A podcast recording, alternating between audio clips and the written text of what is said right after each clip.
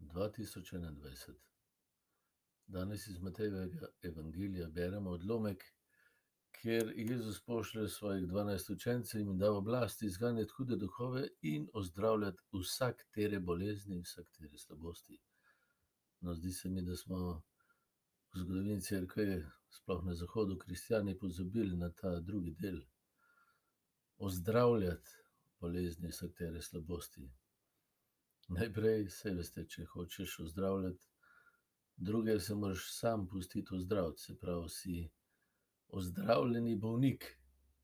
Šele potem lahko drugim pomagaš. Odpuščeni grešnik, šele potem lahko drugim deliš odpuščanje, ko si sam sprejel, da ti je odpuščeno. In, v to nas vabi se pravi, ni dovolj govorjenje, kar je nam na zahodu blizu. Govorimo veliko,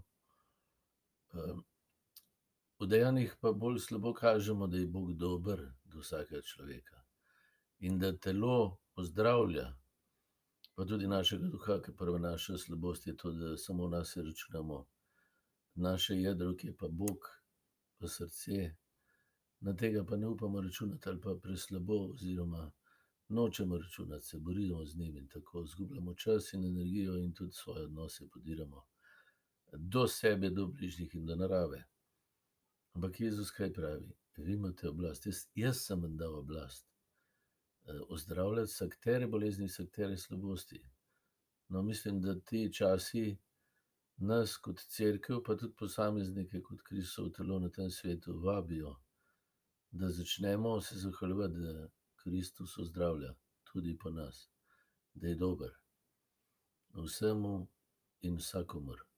V tem je tudi naš mir pa veselje pa trdnost. Sredi vsake pandemije in norosti sleherne generacije.